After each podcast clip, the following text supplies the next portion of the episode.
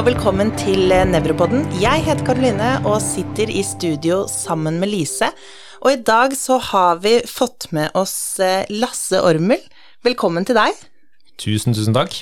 For det første så er du overlege ved slagseksjonen på Ullevål sykehus. Så i dag skal vi snakke om eh, hjerneslag, og du er jo veldig interessert i talamus og talamusinfarkter. Så det er det vi har tenkt å snakke om i dag. Litt sånn snevert, men veldig spennende. Ja, jeg vil nesten rette deg der og si at jeg er ekstremt interessert i talamusinfarkter. Ja. Litt fordi de opptrer på en svært ulik måte fra mange av de andre infarktene. Og hvis vi ser på talamus, så er jo det Altså hvis vi ikke hadde hatt talamus, så hadde vi jo ikke muligheten til å oppfatte verden rundt oss på noen som helst måte. Og den har jo ikke bare det, den har jo også våre, det emosjonelle spekteret, og den har også eh, baner opp mot frontalkortex. Og den er en, for vår eksistens, helt, helt essensiell, og derfor veldig, veldig spennende. Eh, og selvfølgelig nokså trist hvis du får infarkt i det. og Det er derfor det er viktig å oppdage det tidlig. Derfor har jeg vært interessert i å, hvordan kan man catche, hvordan kan man se at, eh, finne at et, et, en pasient har infarkt i thalamus, og dermed kunne være inne tidlig med behandling og redde det i de minuttene du har på å redde og eh, gi trombolyse, eventuelt trombektomi hvis det er aktuelt. Fordi, uh, bare sånn, hva er egentlig thalamus? Det er jo veldig, et veldig lite område, en veldig liten del av hjernen. Ja, altså den sitter jo i dypet av hjernen, helt, helt, helt inn i midten, rett over midthjernen, som et, nærmest som et lite, lite hønseegg, og er vel egentlig en samling av utrolig masse kjerner eh, som får informasjon fra masse forskjellige kanter og gir informasjon. Hvis jeg grovt kan inndele thalamus, så har vi da Eh, en framre del som vi kaller de anteriore kjernene, eh, naturlig nok. Og så har vi en eh, midtre del, eller som går inn mot midtlinje, som er den mediale kjernen. Og en bakre del, som er den posteriore kjernen. Og så har vi en som går lateralt, og som er den ventrale kjernen. Og så kan du si at du kan dele opp disse her enda mindre Oi, nå glemte jeg meg litt. Jeg må komme med at mellom alle disse kjernene så går det en sånn linje som ser ut som en Y. Det er nesten som det ser ut som et sånt fibrøst drag, men det er altså kjerner, de intralaminære kjernene. Og ser litt ut som sånn, perler på en snor eh, Rik, det, ja. ja. og som er som Jeg vil nesten se ut som at det er Hvis du tenker deg at du har et martiniglass, da, og så mm. oppi der så har du den anteriore kjernen som en oliven, og så har du rundt på siden eh, har du da den mediale og den, eh, nei, og den ventrale kjernen på siden av martiniglasset, og, og stetten blir jo da den posteriore kjernen. Sånn at linjen som utformer glasset, blir jo da på en måte denne intra, de intralaminære kjernene. Og selvfølgelig kan du dele de enda mer oppstyggede, og jeg kommer kanskje litt inn på det når jeg skal snakke om de ventrale kjernene. Og jeg bruker da Edward Jones sin oppdeling. Det er mange anatomer som har beskrevet masse om thalamus, og, og, inndelt i masse forskjellige kjerner. Og det er jo klart at hva er en kjerne? Det er jo, det er jo bare mer tettere samling av, av, av nerveceller. Sånn at og om det har noe funksjonelt for seg å dele det enda mindre, og, og, hvor skillene går, det er ikke alltid så lett å si. Men her tror jeg jeg skal holde oss til det enkle. Men så i hovedfokus så er det de fem Ja, som vi skal snakke litt om. Og så skal jeg snakke litt om noen underkjerner som er veldig har en større betydning. Eh, men eh, dette er hovedinndelingen. Sånn at hvis vi skal starte et sted, jeg ofte å starte med de mediale kjernene, som da har flere funksjoner. Og en av de viktigste er jo at den har en kommunikasjon med hippocampus, så den har med arbeidsminne å gjøre. Den har også opp mot eh, frontallappen, så den har, så den, den har altså de, en del av de frontale funksjonene også.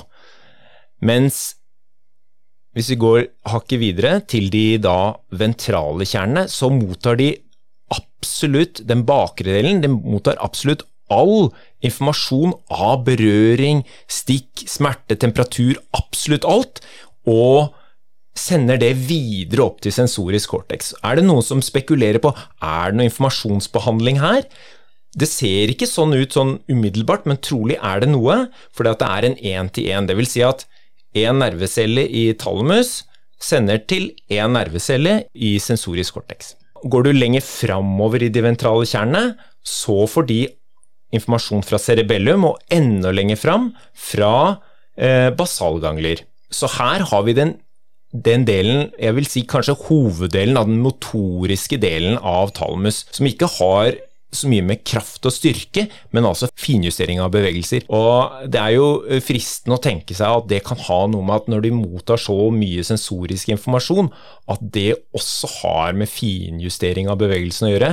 Om det er slik, vet jeg ikke, men fristende tanke i hvert fall. Og så har du de anteriore kjernene, som er ekstremt spennende område, for der, den ligger jo klistra opp mot det limbiske system. Og for de som kjenner det, så har jo det med følelser å gjøre. Sinne, glede. Og som vi skal komme tilbake til, de som får infarkter her, de blir meget rare. Eh, og så til slutt, da, de posteriore kjernene, hvor du har to, og her, jeg igjen, eh, her kommer jeg til å bruke to kjerner som er veldig viktige, som sitter der. Det er Eh, geniculatum laterale og geniculatum mediale. Den laterale delen, den, der kommer alle synsbaner innom før den går videre til synsparken eller occipitallappen. Mens i den mediale, eh, denne geniculatum mediale, der har vi hørselsbanene. De posteriore kjernene har nok også noe med smertesansen å gjøre, fordi man har sett at de som får infarkter her, får da, kan få en hyperalgesi. Er dette det, det, talamik smerte... Jeg er litt usikker på om det sitter der eller lenger fortil i disse ventrale, bakre del av ventrale kjernene. Eh, litt usikker, men jeg skal komme tilbake til det, og så kan vi jo snakke litt om det i forhold til om man virkelig skal behandle disse numne plagene som disse, enkelte av disse pasientene kommer med. Men flott, da har vi en sånn eh, grov inndeling på eh, mm. hva oh, de Jeg glemte ja. jo de intralaminære kjernene. Eh, de og de er jo superkule. Altså, de har jo med våkenhet å gjøre, og oppmerksomhet. Så de får jo sin informasjon fra retikulærsubstansen, og man ser at disse kjernene har en aktivitet som følger søvnmønsteret. Sånn at for å holde seg våken, så må disse fungere. Og Det som er ekstra spennende akkurat der, det er at de også har litt med øyebevegelse å gjøre. Og det har nok, og det har man sett, det er vel mer sånne dyrestudier, at det har noe med oppmerksomheten, hva man retter blikket på, oppmerksomt blikk på, der det styres fra disse områdene. Sånn at de har en, en så det er jo en sammenheng ikke sant, med denne oppmerksomheten og antageligvis hva man retter blikket på. Så eh, igjen, disse er jo superkule. Vi har jo, nå har vi snakket litt om de forskjellige kjernene, og hva slags type symptomer du får mm. eh, i de forskjellige. Men hvis vi da skal gå eh, løs på én og én kjerne, vil du starte med den mediale, kanskje? Jeg tenker at vi det som er greit, er å starte med karene. Eh, fordi her må man også være obs på at dette er jo kar. Altså, thalamus forsynes jo av kar som går av fra eh, den posteriore arterien. Altså vi har basilari som klatrer oppover som et tre, og så på toppen så splittes den i to arterier som heter arteria posterior, som slynger seg bakover mot occipitallappen. Og da er det arterias eh, posterior cerebri cerebri. Helt riktig. Vi er i hjernen. Eh, og da tenker jeg at vi kan starte med den første delen. Og vi som slaglege, vi deler jo Vi liker veldig godt å dele inn posterior. Og, eller alle de store arteriene i 1, 2 og 3 osv. Og, og det har med forgreninger å gjøre. Så når vi snakker om P1, så er det jo posterior del 1, og det er den delen er jo da før posterior communicans kommer inn på posterior.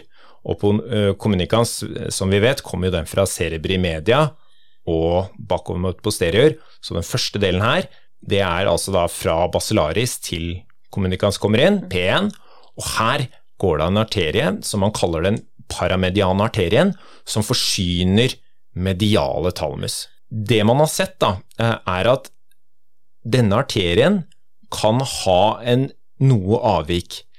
For vanligvis er det jo sånn at eh, høyre posterior gir av en paramedian arterie til høyre eh, mediale kjerne, mens venstre gir til venstre mediale. Men hos noen så går denne arterien kun av fra den ene posteriore arterien. Så du, får, du kan få da en trombe som gir infarkt i begge mediale kjerner. Og disse pasientene blir ekstremt trøtte. Antageligvis da, fordi at de får en affeksjon også av de intralaminære kjernene som har med våkenhet å gjøre. Og den karvarianten, den har et spesielt navn? Ja, den er jo beskrevet av eh, Han var vel anatom, nå gjetter jeg bare. Eh, Perseron, og blir kalt da Perserons arterie. Og så Dette er jo en type infarkt som, som kalles Perseron-infarkt. Og Perseron-infarkt, da er det at du har infarkt da i begge eh, mediale deler av talamus, altså på begge sider. Riktig. Men bare det er litt spennende med denne Perseron-arterien. Er det noe Kommer den som oftest fra høyre side eller venstre side? Det tør jeg ikke å gjette på Nei. eller svare på, men det er klart at noen ganger så ser vi jo at vi har, vi har en del variasjon i sirkulum vilisi. Sånn at noen ganger så ser vi jo eksempel at vi har en posterior communicans som går rett over i posterior, uten at vi har dette P1-delen fra den ene siden, så vi har kun én post P1. Og da må vi jo anta da at denne pasienten har en perseron-arterie. Siden den ikke har en Kan du forklare det en gang til, for det skjønte ikke Jo, ikke sant. Vanligvis så har vi at media eh, gir av en arterie som heter posterior communicans, som går inn på posterior, eh, altså cerebri posterior, på hver side. Rett før delinga til P2? Ja, før den før Sånn at da får du da P1, posterior communicans, P2. Men noen steder så mangler du P1, sånn at posterior communicans går rett over i en P2. Ja. Og så kan du se, det høres jo litt trist ut, men faktisk går det helt fint, fordi du har P1, ofte da en, en ordentlig solid P1 på motsatt side, som da forsyner de samme strukturene som eh, som den, den motsatte P1 også skulle ha gjort. da. Den... Og disse karstrukturene er vanskelig å se på angiografi? Disse er kjempe, kjempesmå. Sånn at et perseroninfarkt det trenger ikke å være synlig eh, karokklusjon. Noen ganger kan vi se en P-okklusjon, altså en, en, en okklusjon i den første delen av posterior, men andre ganger så ser vi det rett og slett ikke fordi det er en rett og slett en småkar, nesten som en småkarsykdom, en perseroninfarkt. Og så Hvis vi snakker litt mer om uh, dette perseroninfarktet. Du startet å si at uh, pasientene blir veldig trøtte. Ja, det er to ting som er uh, veldig, veldig klassisk for disse pasientene. Det er at de blir så ekstremt trøtte. Og det, Jeg kan snakke litt om den trøttheten. Det, altså, det er jo som om de har tatt amfetamin en hel uke, da, og har nå endelig lagt seg for å sove, eller f.eks. etter tre eh, døgnvakter på rad. Altså, de blir så tunge å vekke at du, det er nesten så du må, du må liksom røske tak i dem for å, å, å vekke dem. Og det er, de, de virkelig slåss for å åpne øya. De, de løfter øyebrynene så høyt de klarer, men de får ikke øyelokka opp. Så du ser liksom at selv om de prøver, så er de så ekstremt trøtte og sovner dødsfort igjen, med mindre du står hele tiden og røsker tak i dem. I det omtrent. Men når du først får dem litt våken, og får dem til å samarbeide, så virker de altså, for det første ikke så veldig samarbeidsvillige, ikke sant? At de har litt den der frontale likegyldigheten. Hukommelsen deres er redusert. Eh, og så kan man tenke er det pga. trøtthet, men det er jo pga. at mediale thalamus har med korttidsminne å gjøre, så de klarer ikke å huske eller være orientert for måned og år. Men dette her er jo liksom ting Er det fordi de er så trøtte, eller hva, hva er greia? Men det er faktisk et symptom, ikke sant? Eh, og jeg har lest mange journaler på de som har hatt Perseron, og, og, gjennomgående er de dårlige til å samarbeide. Eh, men de løfter faktisk, hvis du får dem ordentlig våkne, så løfter de på armer og bein sidelikt. De har ikke noe motoriske utfall. Du får ikke fram noe særlig sensoriske utfall, og de setter pekefingeren på nesa som de skal. Men det er én ting til de ikke klarer. Fordi fra P1 så går det også noen små arterier, og de kan forsynes nettopp også av denne perseron. Små arterier som går inn i mesencephalon, eller midthjernen, til noen kjerner som ligger rett under eh, thalamus. Og de har lange og vanskelige navn, men de er liksom toppen av det man kaller fasciculus longitudinalis medialis, som er liksom den banen som altså koordinerer øyebevegelsene. Og disse kjernene de skal styre vertikale blikkbevegelser og sørge for at abdusens og oklomotorisk ikke vriver øynene side og ut, men få dem med rett linje opp og ned. Og ber du disse pasientene som har disse perseroninfarktet om å se oppover, så klarer de det ikke. De klarer ikke å se opp. De klarer å se til høyre, de klarer å se til venstre, men rett opp klarer de det ikke. Noen Hva med ned? Ned skal de liksom heller ikke klare, men det syns jeg ikke er så lett å få fram. Men eh, får de en INO da, for fasciculus longitudinalis? Noen kan få det, ja. Fordi det med også skal ja, internukleær, internukleær oftalmoplegi. Ja, det, det kan det prinsippet få, men jeg vil kanskje si nei, fordi at en internukleær oftalmoplegi er jo en lesjon som sitter mellom eh, abdusens og oklomotorius, i den fasciculus longitudinalis medialis, i det fordi at det er å koordinere øyebevegelsene i sideplanet, sånn at abdusens, når den begynner å bevege seg til venstre, så river den med seg oklomotorius eh, inn mot nesa, sånn at begge ser at begge øynene følger et konjugert blikk til en side. Mens her, den kjernen som sitter egentlig rett i nærheten av de som styrer blikket i vertikalplanet, er jo oklomotorushjernen. Så noen av dem kan faktisk ha et øye som står rett ut i siden. Av disse med perseron-infarkt? Med perseron, men da vil jeg si at da er det kanskje ikke bare et rent perseron, da er det kanskje til og med at det er en P1-okkulasjon, da. Så Perseron... akkurat den lokalisasjonen, når den tas, da er det vertikale? Strengt tatt var vi, var vi to ting vi ser etter. En ekstremt trøtthet kombinert med en vertikal blikkparese. Da skal vi tenke dette er infarkt i mediale talmus.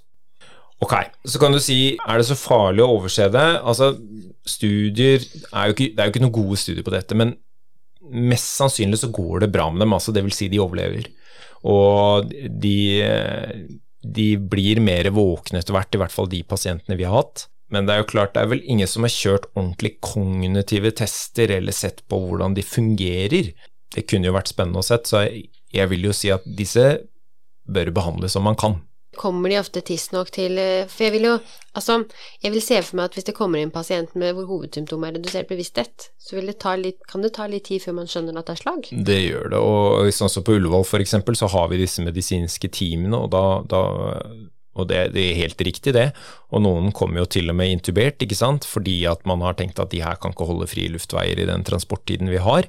Uh, og så har man tenkt kanskje at de er postdiktale.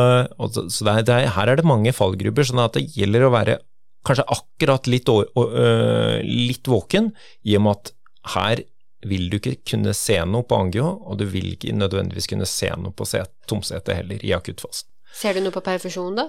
Jeg vil jo si at det kan du nok, men uh, det er et så det, det, er sjelden at de beskriver små infarkter i thalamus som et perfusjonsavvik. Og så er det jo veldig grov snittføring på perfusjon, sånn at det er ikke det. Her, her, må vi bare stole litt på klinikken, tenker jeg. Så det er ofte man de ikke får trombolyse, da kanskje, fordi man ikke skjønner det. at det er det der? Det er ofte man ikke får trombolyse. Og bare sånn til slutt angående det, Perseron, da vil du alltid ha det bilateralt? Ja, det er vel det som er definisjonen på perseron. Det er klart at unilaterale infarkter, der har vi jo sett, og det, da er det jo ikke sånn per definisjon et perseroninfarkt, men de kan også få trøtthet, altså. Ja, for det var det, hvis, mm. hvis du har et infarkt bare i talamus på én side i den mediale altså mediale kjernen, da, vil du også da oppleve trøtthet, bare at du ikke er like trøtt? Vi har sett at de i akuttfasen er ganske trøtte da òg, men ikke i nærheten av det ved de ordentlige perseroninfarktene, da. Nei. Da kan vi gå litt videre, tror jeg. Ja, jeg, jeg tror jeg bare klatrer litt utover da posteriorarterien, Ja, fordi når vi kommer litt utover, så hvis vi tar da denne kommunikante arterien, så går det der av også en arterie fra altså posterior communicans som går til thalamus, og den går, den heter må jeg alltid tenke meg om, for det er alltid to arterier eh, eh, jeg blander, og det er tuberothalamico, heter den arterien, og den går til den anteriore kjernen.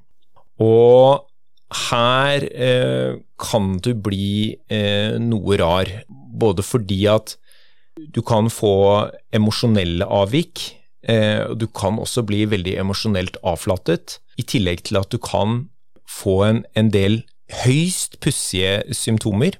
Den, den pussigste jeg vet, og som jeg har fra en artikkel, og jeg vet ikke om egentlig jeg har sett noen gang ordentlig, men bare fått ref, referert fra en pårørende, han syntes han kanskje så det, det er altså det som heter uh, palysykisme, altså, eller to sjeler, og det er det at de holder en samtale om to forskjellige temaer på en gang, hvor de vekselvis snakker om det ene og vekselvis snakker om det andre. Og det er gjerne, Den ene er jo ofte om, om store ting, om, om, kjendiser, om ting som skjer i verden. Sånn at de, de er en sånn sammenblanding eh, av sitt virkelige liv og verden utenfor.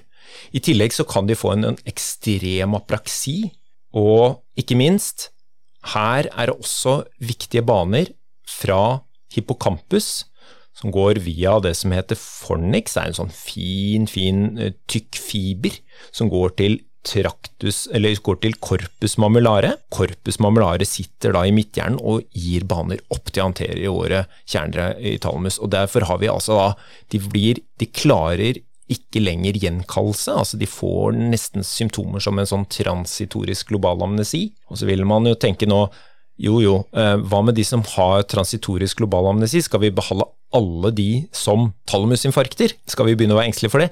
Nei, det trenger dere ikke. Transitorisk global amnesi har jo isolert dette med hukommelse. Anteriore kjerner, de har så mye mer. Altså, de er så underlige på så mange områder og man, man skjønner at det, det, er ikke noe bedring de nærmeste timene, det, kanskje ikke de nærmeste dagene heller. Så disse pasientene blir dessverre meget endret, også kanskje også passive. Og må være veldig vanskelig å fange opp? Ja, disse er nok kjempevanskelig å fange opp, men eh, igjen så er det jo det at her er det nok Altså isolerte anteriore infarkter, det syns jeg kanskje jeg ser veldig, veldig sjeldent. Sånn at de har kanskje noe mer i tillegg, og det, det, tror jeg også skal bare komme litt tilbake til. Fordi det er klart at de, posterior communicans og posteriore arterie, de, de en, en forstyrrelse i blodfortilførselen her kan gi andre symptomer. Og det kan vi komme til nå. Fordi vi kan gå nå til de ventrale kjernene, og da sa jeg jo at, at det inneholder sensorisk informasjon. Og det er de ventrale bakre kjernene. Ja, de ventrale er det samme som de laterale? Ja, jeg kaller de de ventrale, men det er altså de laterale delen av thalamus. Der inndeler man jo med de altså ventrale posteriore kjernene, som da har sensorisk, og da er det både stikk, berøring, temperatur, leddsans, kommer inn dit. Og den har en nokså pussig somatotropisk ordning, som skiller seg helt fra eh, den somatotropiske ordningen i, i, i, i, cortex, som gjør at du med en gang skjønner at her sitter feilen i thalamus, og ikke lenger opp i hodet. Fordi i, eh, hvis du tenker deg, ser for deg ditt eget ansikt, og så legger du hånda med håndflaten mot ryggen og tommelen inntil munnen, som jeg gjør nå. Slik er det altså ordnet i de ventrale kjernene i thalamus, sånn at du kan, som du sikkert skjønner nå, få en akutt nummenhet i munnviken og i tommelen på en gang. Ja, sånn. Og det er faktisk et infarkt i thalamus. Hvis du tenker deg lenger opp i hodet Men da er det nummenhet bare ved munnviken og Tommelen. tommelen. Det er det ekstreme. På samme det, side. det, det har jeg hørt om kanskje én gang, eh, og det er det mest ekstreme. Eh, som regel så er det eh, munn, munn, tunge, hånd, og så er det jo også det at eh, nå klarer ikke jeg det, for jeg er ikke myk nok, til å plassere foten min på samme måte ved siden av hånda mi, for den ligger bortenfor.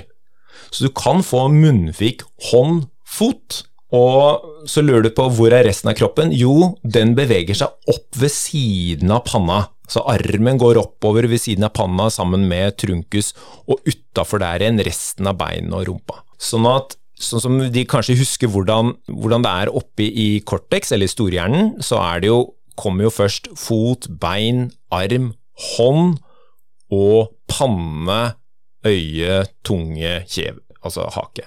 Så der ser du, det er jo litt sånn rart at hvordan pokker kan du bli nummen i munn og tommel der oppe? Det går ikke, eh, for det er et stykke imellom, men altså i thalamus kan det.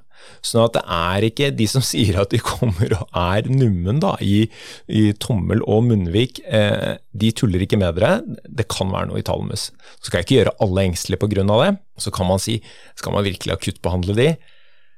Eh, det kanskje med tanke på konsekvenser, kanskje ikke så fristende, men så begynte vi å snakke om dette, som heter altså posthalamisk smertesyndrom. Det går på at du får helt intraktable smerter. Det fins vel ikke noe god behandling for det. Jeg har nok ikke sett det mange ganger, men jeg har sett det én gang.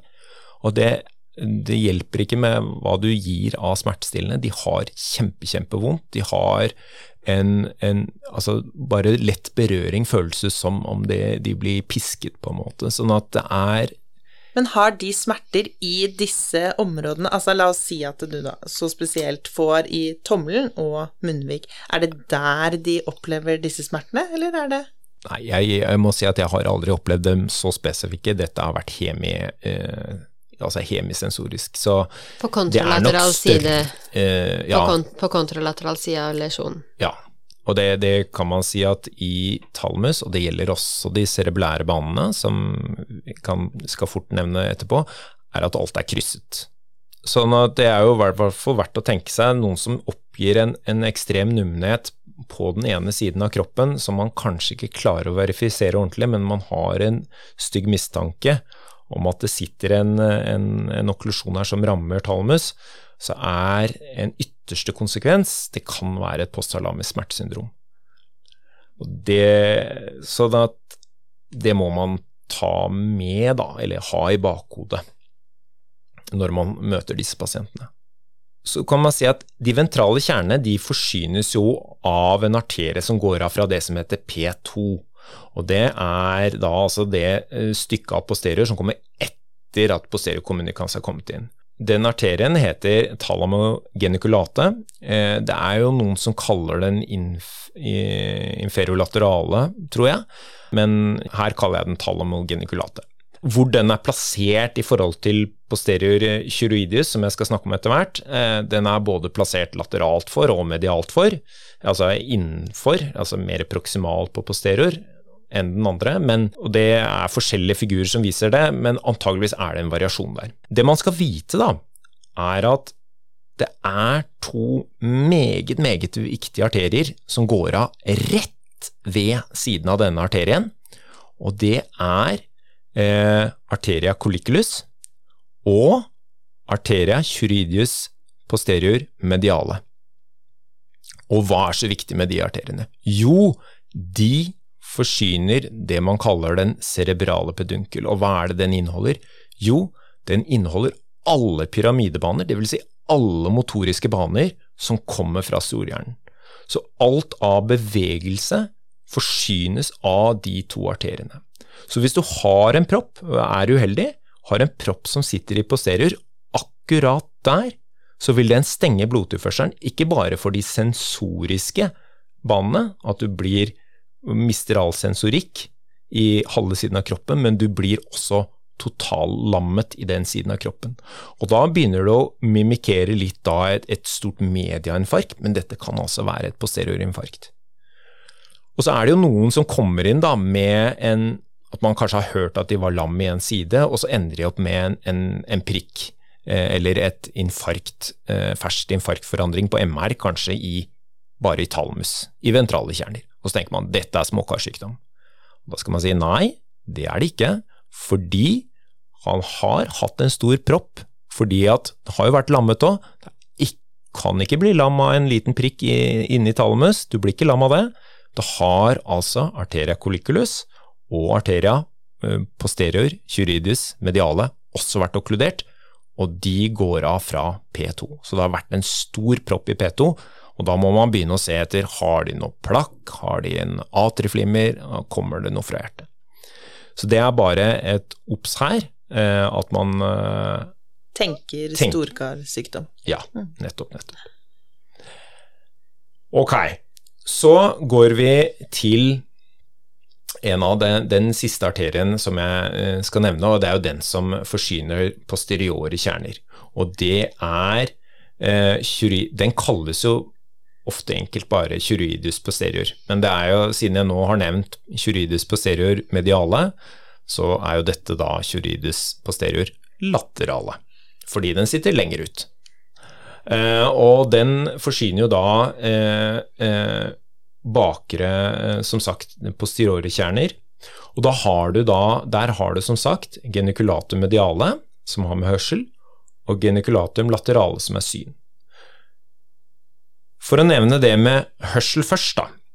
Du blir aldri døv av å få et infarkt i thalamus. Og hvorfor det? Fordi banene, hørselsbanene, er krysset. Det vil si eh, Eller krysset, det vil si de er Begge ørene forsyner begge thalamus. Dobbeltinnervert, da. Det er dobbeltinnervert, var det jeg mente å si. Det var det takk, Lise. Det var det ordet jeg lette etter. Jeg lette, det ikke krysset, krysset er det jo likevel, det sa jeg i starten. De er dobbeltinnervert, sånn at hvis du mister alle cellene i geniculatum mediale, så betyr det ikke at du mister hørselen, fordi de går allikevel over til den andre siden og forsyner da øh, eh, det andre eh, auditive cortex også, sånn at eh, du vil kunne høre på begge ører. Informasjon går videre. Men hva er poenget da med at de driver sånn dobbeltinnervasjon? Og det har med lokalisasjon og lyd. Altså, for å skjønne at jeg snakker mer herfra, eller jeg snakker mer herfra, så må man, kunne, må man jo kunne lokalisere på et vis. Og kanskje eh, eh, for oss i dag da er det jo viktig å få med seg noen, noen plystrer etter en, eller, eh, eller prøver å, å, snakke til en på en måte, men selv i, gamle dager så er det jo viktig å vite hvor var tigeren i jungelen, liksom. Eh, hvilken vei skulle man løpe, så det er jo dødsviktig. Jeg har prøvd å teste pasienter som har hatt infarkter i disse områdene, og jeg er jo blitt veldig lei meg over at de fortsatt klarer å lokalisere lyd, men jeg tror det har noe med at du også har denne dobbeltinnovasjonen i det som heter colliculus inferior, som sitter lenger ned i, i, eh, i midthjernen. Og den, hvis, du, hvis, det skjærer seg der, da, kan du si, da, da har du et problem i jungelen med tigre. mm. Det du derimot får, da, altså synsbane er jo ikke dobbeltinnervert. Sånn at du får Du kan få alt fra en hemianopsi til en kvadrantanopsi. Men så kan du jo si at hvis du har en okklusjon, en feit okklusjon i, i, den avgangen av arterien eller i posterior, så tar du også synsparken, så det er kanskje ikke så overraskende. Det du det har sett at man har beskrevet, er jo også dette med at man får endret eh, smertesans eller berøringssans. Man har men også dette med at de kan få tremor, og at eh, de kan få dystonier. Og det må jeg si at jeg ikke helt skjønner, men jeg vet at den har, eh, sender bane videre til f.eks. striatum. Om det er, det er, en årsak til det, det vet jeg ikke. Sånn at det er jo det jeg skal si. Og, men så vil jeg bare minne kanskje om at det er jo noen eh, Nå har jeg nevnt en fallgruppe her, men det er jo noen ganger at vi f.eks.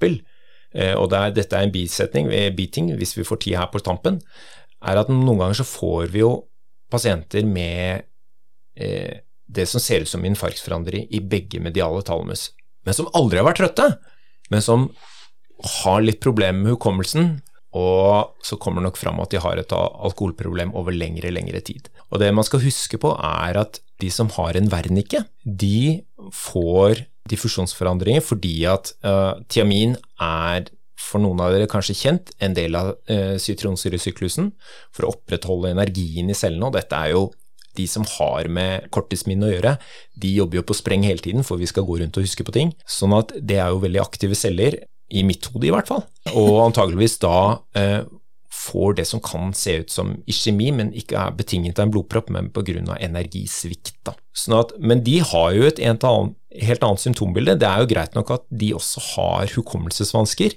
men de har jo ataksi og nystagmus, ikke sant? Mm. Og også et mer langtrukket forløp. Så jeg har noen som har kommet med beskrivelser fra MR med perseroninfarkt, og som har vist seg å ha en Wernicke-encefalopati. Eh, og det, I den forbindelse kan jeg også nevne at det man har sett på de som får sånne Korsakow-psykoser, de har vist en uttalt degenerasjon av anteriore kjerner i thalamus. Og da kan man jo spekulere på den endringen de får, den psykotiske endringen, kan det ha noe med det den forbindelsen eh, anteriore kjerner har til det limbiske system, f.eks. Jeg glemte jo selvfølgelig å snakke litt om de eh, mer framre ventrale kjernene. Og det, de får jo den bakre delen av de framre kjernene, eller ventrale kjernene, de framre ventrale kjernene, de får jo forbindelse fra kjernene i cerebellum. Og der har vi jo tre kjerner. Eh, den kanskje den største og, og mest interessante av dem er jo nucleus dentatus, ikke sant. En stor kjerne i cerebellum, og den forsyner jo da den bakre delen av den framre ventrale kjernen. Den har jo en spesiell nomenklatur, men hvis vi skal skille akkurat de, så kaller man jo den sensoriske biten ventrale posteriore. Dette er den ventrale laterale.